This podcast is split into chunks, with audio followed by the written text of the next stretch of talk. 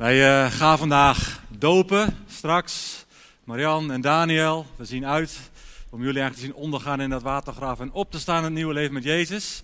Maar we gaan vandaag ook beginnen met een nieuwe, dankjewel Frans, prekenserie. Frans zei het al, tot aan uh, eigenlijk een lange prekenserie over de bergreden. Tot aan kerst staan we stil bij eigenlijk maar 10, 12 versen, de zalig sprekingen, één voor één. En dan tot aan Pinksteren de rest van de bergreden zoals we die lezen in Matthäus 5 tot 7. En de bergreden ja, is misschien wel, je zou kunnen zeggen, bijna kunnen zeggen, het ultieme onderwijs van Jezus aan zijn leerlingen, aan zijn discipelen. Jezus onderwijst ook specifiek, dat lezen we in zijn eerste verse, echt zijn leerlingen. En daaromheen staat de mensenmassa. In Matthäus 5, vers 1 lezen we. Toen hij Jezus, de mensenmassa, zag, ging hij de berg op. En daar ging hij zitten met zijn leerlingen om zich heen. En de mensenmassa, en dat waren de duizenden, weten we ook hè, de, uit de wonderbare spijzigingen. Dat waren de mensen die ja, vaak wel nieuwsgierig waren. Die wel onder de indruk waren van zijn onderwijs, van zijn wonderen. Maar dat zie je ook in de rest van de geschiedenis van de evangeliën, die toch voor het grootste deel neutraal blijven. Of zich niet in ieder geval echt toewijden aan Jezus als zijn discipelen, als zijn leerlingen. En er is maar één ding wat Jezus verlangt voor ja, de mensen in die mensenmassa. En dat is dat er steeds opnieuw mensen zijn uit de scharen, uit de toehoorders, die die stap naar voren zullen zetten. Die stap naar voren zullen zetten om te zeggen, ja, ik wil niet alleen maar horen over Jezus. Ik wil niet alleen maar kijken wat er gebeurt. Jezus, ik wil uw leerling zijn. Jezus, ik wil uw discipel zijn. En Jezus doet altijd weer die uitnodiging. Oh, maar zet ook alsjeblieft een stap dichterbij. Kom aan mijn voeten zitten, zoals ook mijn andere leerlingen. En ik wil je onderwijzen. Ik wil je leren. En misschien geldt het wel voor jou vandaag. Dat dat is waarom je hier bent. Dat je een stap te zetten hebt. Dat je genoeg gehoord hebt over Jezus. Dat je genoeg geloofd hebt in Jezus. Maar dat je weet, maar ik heb die stap naar voren, naar Jezus toe te zetten. Ik heb die stap te zetten naar zijn voeten. Misschien wat te knielen en te buigen vandaag. Om te zeggen, ja, maar ik wil uw leerling, uw discipel, uw volgeling zijn. En als we kijken naar de bergreden, dan heeft hij een hele specifieke opbouw. En daar wil ik ook eerst gewoon inleidend een paar dingen om zeggen, omdat het belangrijk is. Dat we eerst uitzoomen, om, om de context van die hele bergreden een beetje goed te behappen, om vervolgens in te zoomen op de eerste zaligspreking. Want de bergreden die heeft een hele specifieke opbouw. De volgorde waarin de onderwerpen voorbij komen is van groot belang. Het is een soort, je zou kunnen zeggen, een soort geestelijke ordening. Want de bergreden begint met de zaligsprekingen. En dat is niet voor niks. Want we moeten eerst het belang van karakter inzien. Voor we ons gaan bezighouden de rest van de bergreden met ons gedrag en daar ook over nadenken. En de bergreden kun je zien als een beschrijving. Een beschrijving van ons christenen zoals wij eigenlijk zijn bedoeld. Zo is het koninkrijk van God bedoeld. Lees Matthäus 5 tot 7 en je weet hoe het hoort te gaan in het koninkrijk van God. En het mag zichtbaar worden door iedere christen heen. Op de aarde zoals in de hemel. En de zalensprekingen, want als je dit leest, de bergreden, gewoon even op het gemak, dan denk je, ja, maar dit lukt mij helemaal niet. Dit kan ik helemaal niet uitleven. Nou, amen.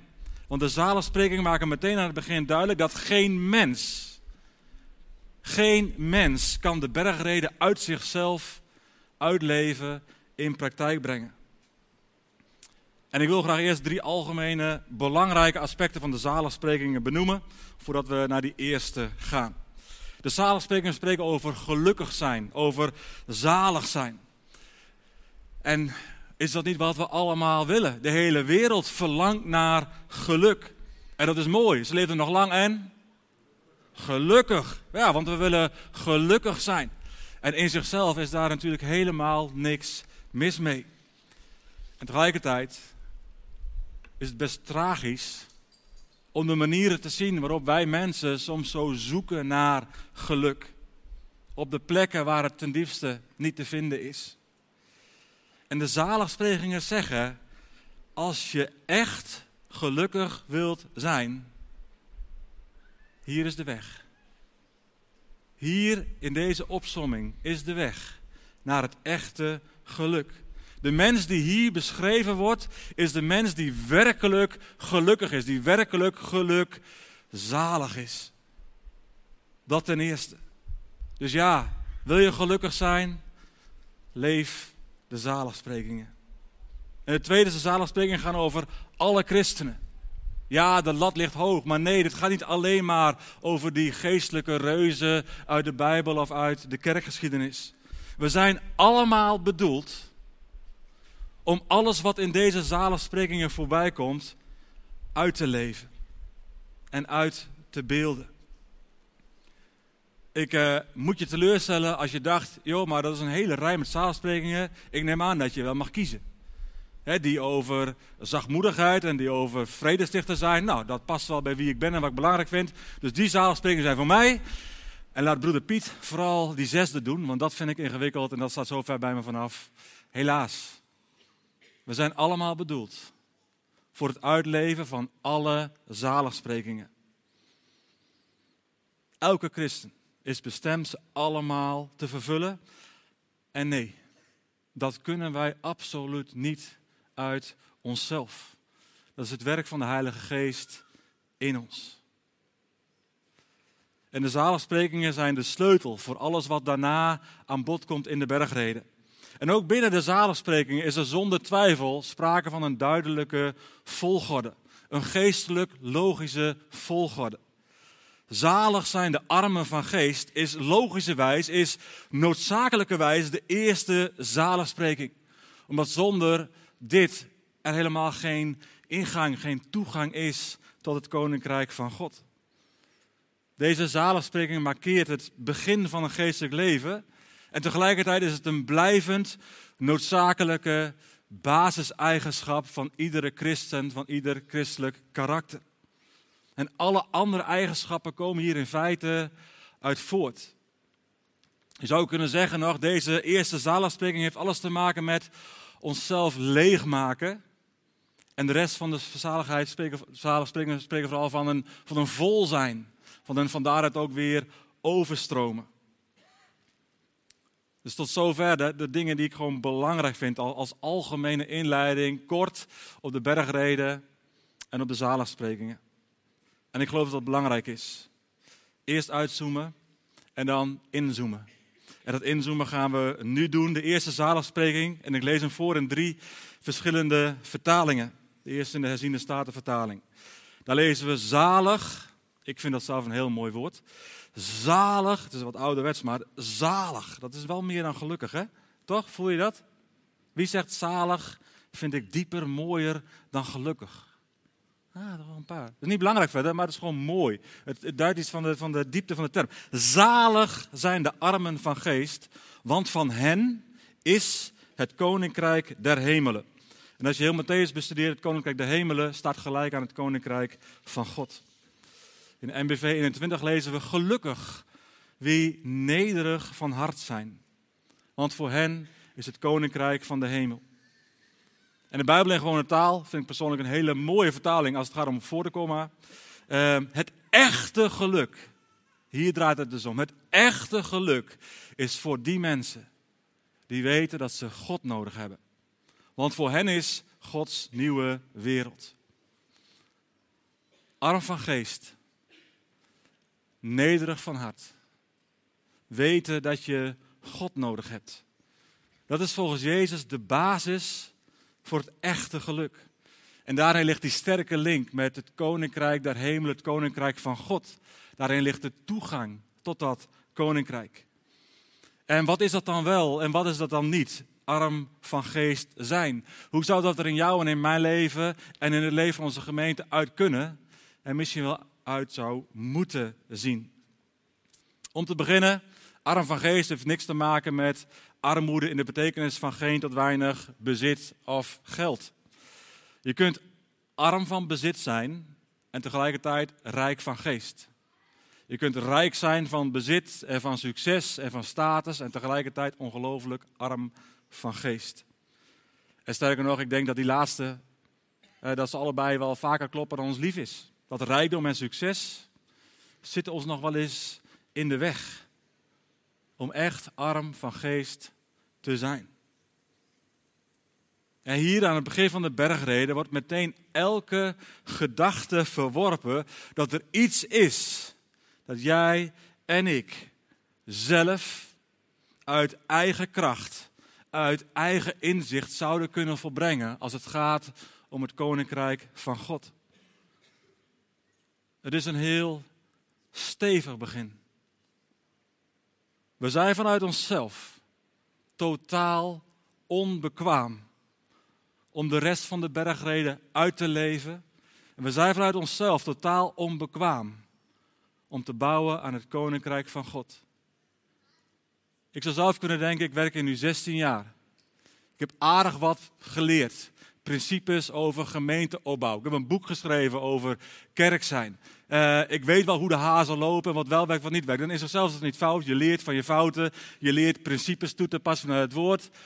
En tegelijkertijd naar voren toe. Ik kan niet anders. Dan met lege handen staan. Nee, ik heb uit mezelf niks. Als op zondagochtend wordt gevraagd, heel vaak, hoe is het? als ik moet preken, ben ik klaar voor? Weet ik niet, joh. Ja, dat, dat zeg ik heel lief hoor, maar ik weet het niet. Ik heb me voorbereid, maar ik sta hier met lege handen. Want als de geest niet bekrachtigt, dan werkt het niks uit. We zijn niks zonder het werk van de geest in ons, zonder het werk van de geest door ons.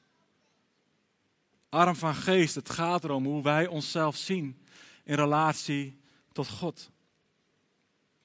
En dat gaat dwars in. Dat gaat valikant in. Dat gaat vierkant in tegen wat de wereld dag in, dag uit tegen ons zegt. Want in de wereld was zo'n grote nadruk gelegd op zelfstandigheid, op zelfvertrouwen, op zelfexpressie, op zelfontplooiing. Als je verder wilt komen in deze wereld, dan moet je geloven in jezelf. En zo heb je je ook te presenteren. En dat is goed te volgen. En begrijp me goed, dat is niet altijd verkeerd. Als we kijken van mensen naar mensen. Maar hier gaat het over mensen in aangezicht tot God. En dan spelen er hele andere principes. En ja, we zijn geliefd. En ja, we zijn aanvaard. En in Christus ligt onze identiteit als geliefde zonen, geliefde dochters van God. Maar er gaat wel wat aan vooraf. En in ons christenleven is het pure noodzaak om steeds opnieuw op dit punt terug te komen en terecht te komen. En te groeien in een diep en door ons leven heen in een dieper, een steeds dieper besef. Dat we voor God vanuit onszelf volkomen arm van geest zijn. En daar kunnen ook makkelijk misverstanden in staan. Arm van geest betekent niet dat we opeens maar heel beschroomd en heel teruggetrokken en heel onopvallend moeten worden. Arm van geest betekent ook niet dat je je eigen karakter of je eigen persoonlijkheid moet onderdrukken. Dat betekent het niet. En dan is de vraag, ja, maar wat betekent het dan wel? Nou, laten we kijken naar een aantal personen in de Bijbel. Waar we zien dat ze dat arm van geest, dat ze er uiting aan geven, dat ze het leven. Eerst in het Oude Testament, bij Jesaja. Die zelf profeteert in Jesaja 57, 50, vers 15. Fascinerende vers, moet ik zeggen. Daar profeteert Jesaja, want zo zegt de hoge en verhevene, die in de eeuwigheid woont en wiens naam heilig is. De Heer zegt, ik woon in de hoge hemel en in het heilige en, en dat is een fascinerende en, en ik woon bij de verbrijzelde en nederige van geest om leven te maken, de geest van de nederige. En om leven te maken, het hart van de verbrijzelde. Jesaja die leeft vanuit het diepe besef. En hij profiteert hier namens God dat we zonder God niks zijn. We staan met lege handen en juist dan, als we staan met lege handen, juist dan en ook alleen dan, als we tot de erkenning komen dat we verlossing nodig hebben, dat we verzoening nodig hebben, juist dan is daar die uitspraak dat, ja, dan zijn we een plek. Dan is ons hart een plek waar God wil wonen, waar Hij zijn leven wil uitstorten. Daar, in dat besef, ligt het echte geluk opgesloten. En in het visioen in Jesaja 6 waar Jesaja wordt geconfronteerd met de heiligheid van God. En waar hij zich zelf uiteindelijk beschikbaar stelt. Als God ook vraagt, wie zal ik zenden? Wie zal namens mij gaan?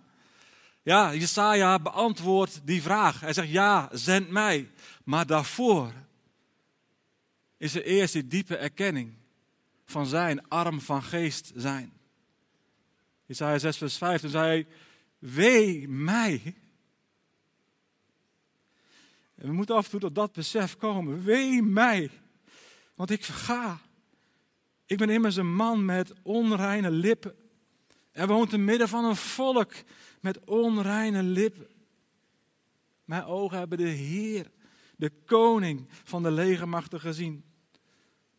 Maar wee mij. Een diep besef van zijn eigen falen.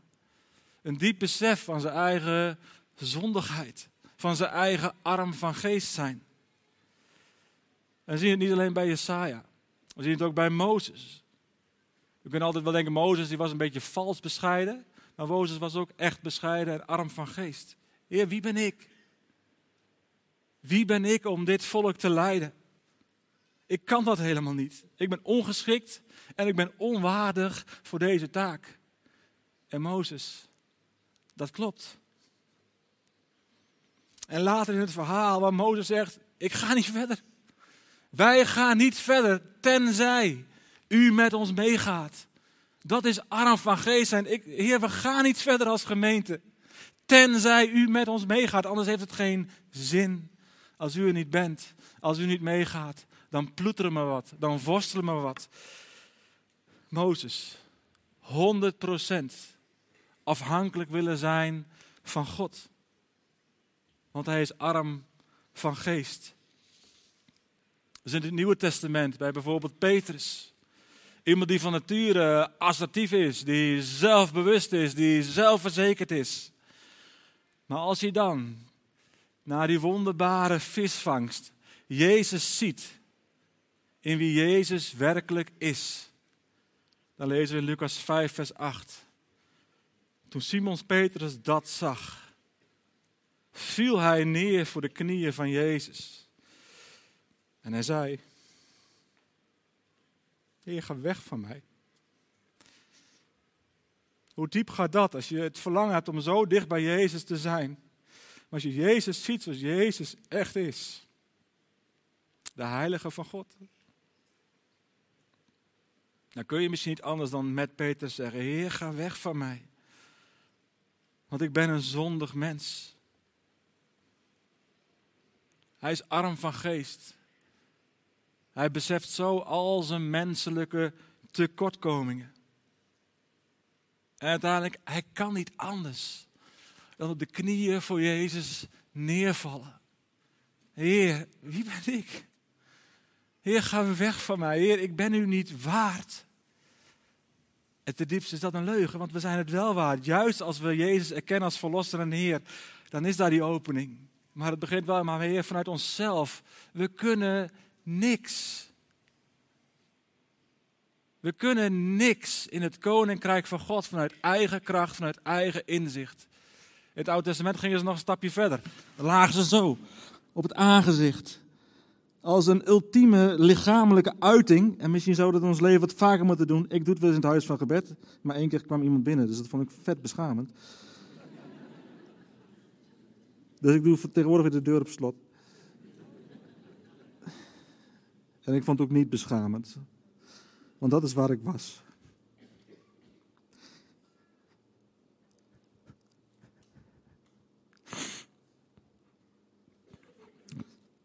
Dat is waar ik wil zijn. Dat is dat waar ik geloof dat we als gemeente horen te zijn. Leven in afhankelijkheid. In het diepe besef dat we vanuit onszelf arm van geest zijn. We hebben niks te geven, Heer. We zouden vanuit onszelf moeten zeggen: ga weg van, van ons. En tegelijkertijd, o Heer, kom dichterbij. En nu doet die uitnodiging om te komen. Om vanuit het arm van geest zijn op de voeten te gaan staan. En deze wereld een mooiere plek te maken. Deze gemeente een mooiere plek te maken. Maar Heer, het begint hier.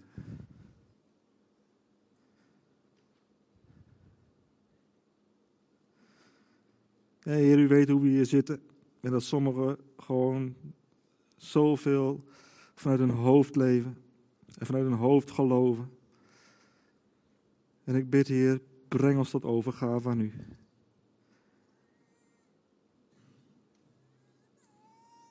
En Heer, openbaar. Daar waar we groot denken van onszelf. Dat daar een diep besef komt dat het in uw aangezicht niet kan bestaan. U bent de Heilige.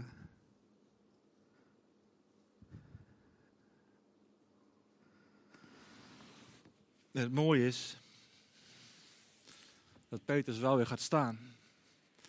Dat Petrus wel weer op zijn voeten wordt gezet. Maar nu vanuit zijn identiteit als geliefd kind van de Vader. Zijn geloof in Jezus Verlosser en Heer. En hij gaat. En we zien juist ook bij Petrus dat zijn persoonlijkheid voor een deel niet verandert. Oh ja, hij is arm van geest geworden. Maar hij blijft een extravert iemand. Hij wordt niet opeens nerveus of bedeesd, omdat dat blijkbaar hoort bij arm van geest zijn. Nee, hij is vol bewust van zichzelf, vol bewust van de werking van de geest in hem en door hem. Maar juist omdat hij beseft dat hij zelf niks te geven heeft, kan de geest zoveel in en door hem heen doen. En dat zien we ook tenslotte bij Paulus. Een man met een krachtige persoonlijkheid. En Paulus had tot het eind van zijn leven ook echt te vechten.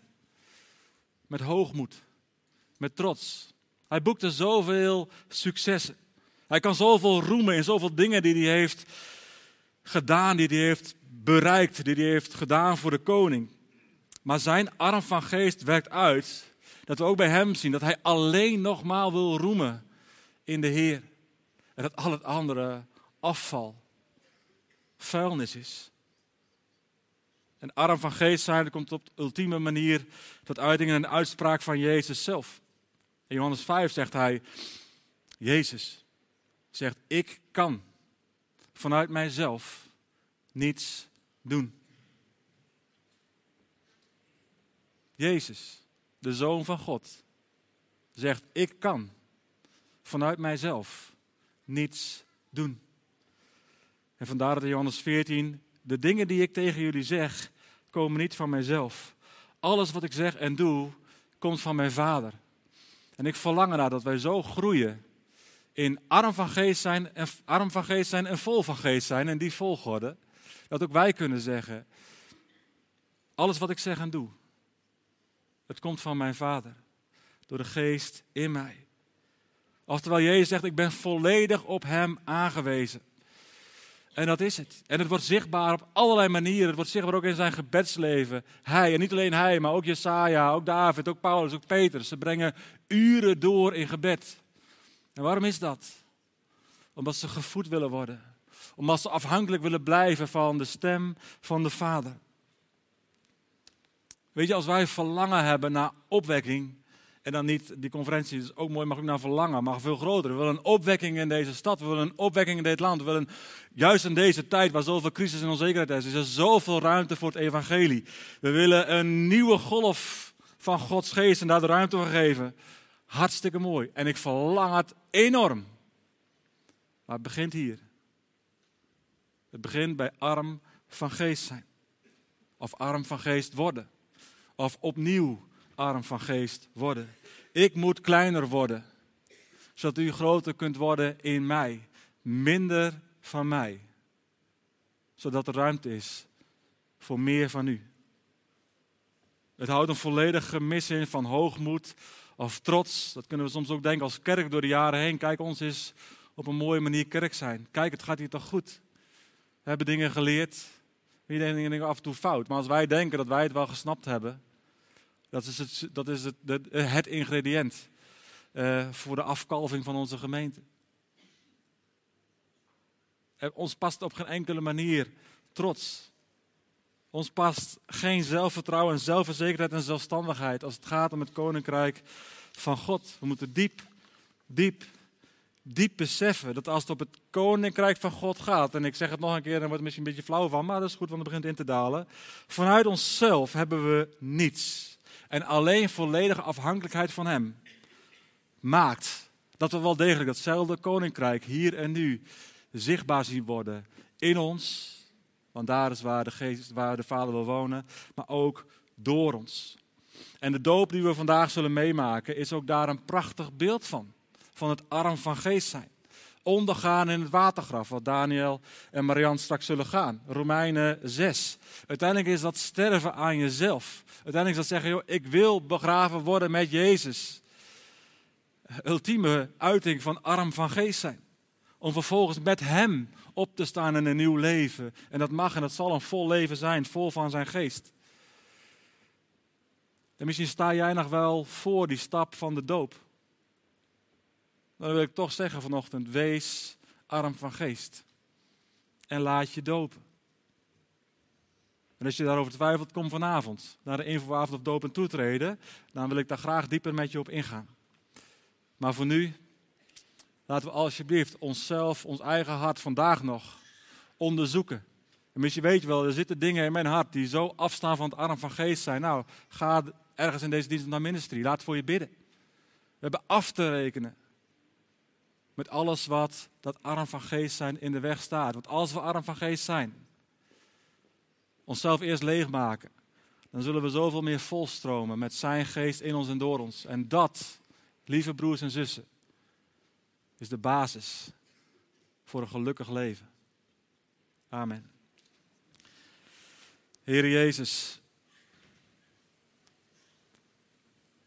we zijn zo geneigd om soms ook stappen over te slaan. Omdat we het zo fijn vinden om het erover te hebben dat we geliefd zijn. Dat we aanvaard zijn. Dat u van ons houdt. Heer, grote waarheden. Dat we in Christus zo'n gevuldige identiteit hebben. Heer, maar het begint hier. En ik denk voor sommigen van ons hebben we hier naar terug te keren. Hebben we steeds opnieuw hier naar terug te keren, ook als gemeente. Heer, we staan met lege handen. Minder van onszelf. Meer van u. Help ons, Heer, om te leven in overgave. Ook als een sleutel voor het doorbreken van uw koninkrijk in het hier en nu. In ons leven, in onze omgeving, in onze gemeente, in stad en ommeland, in ons land. Heer, doe uw werk in uw machtige naam, Jezus. Amen.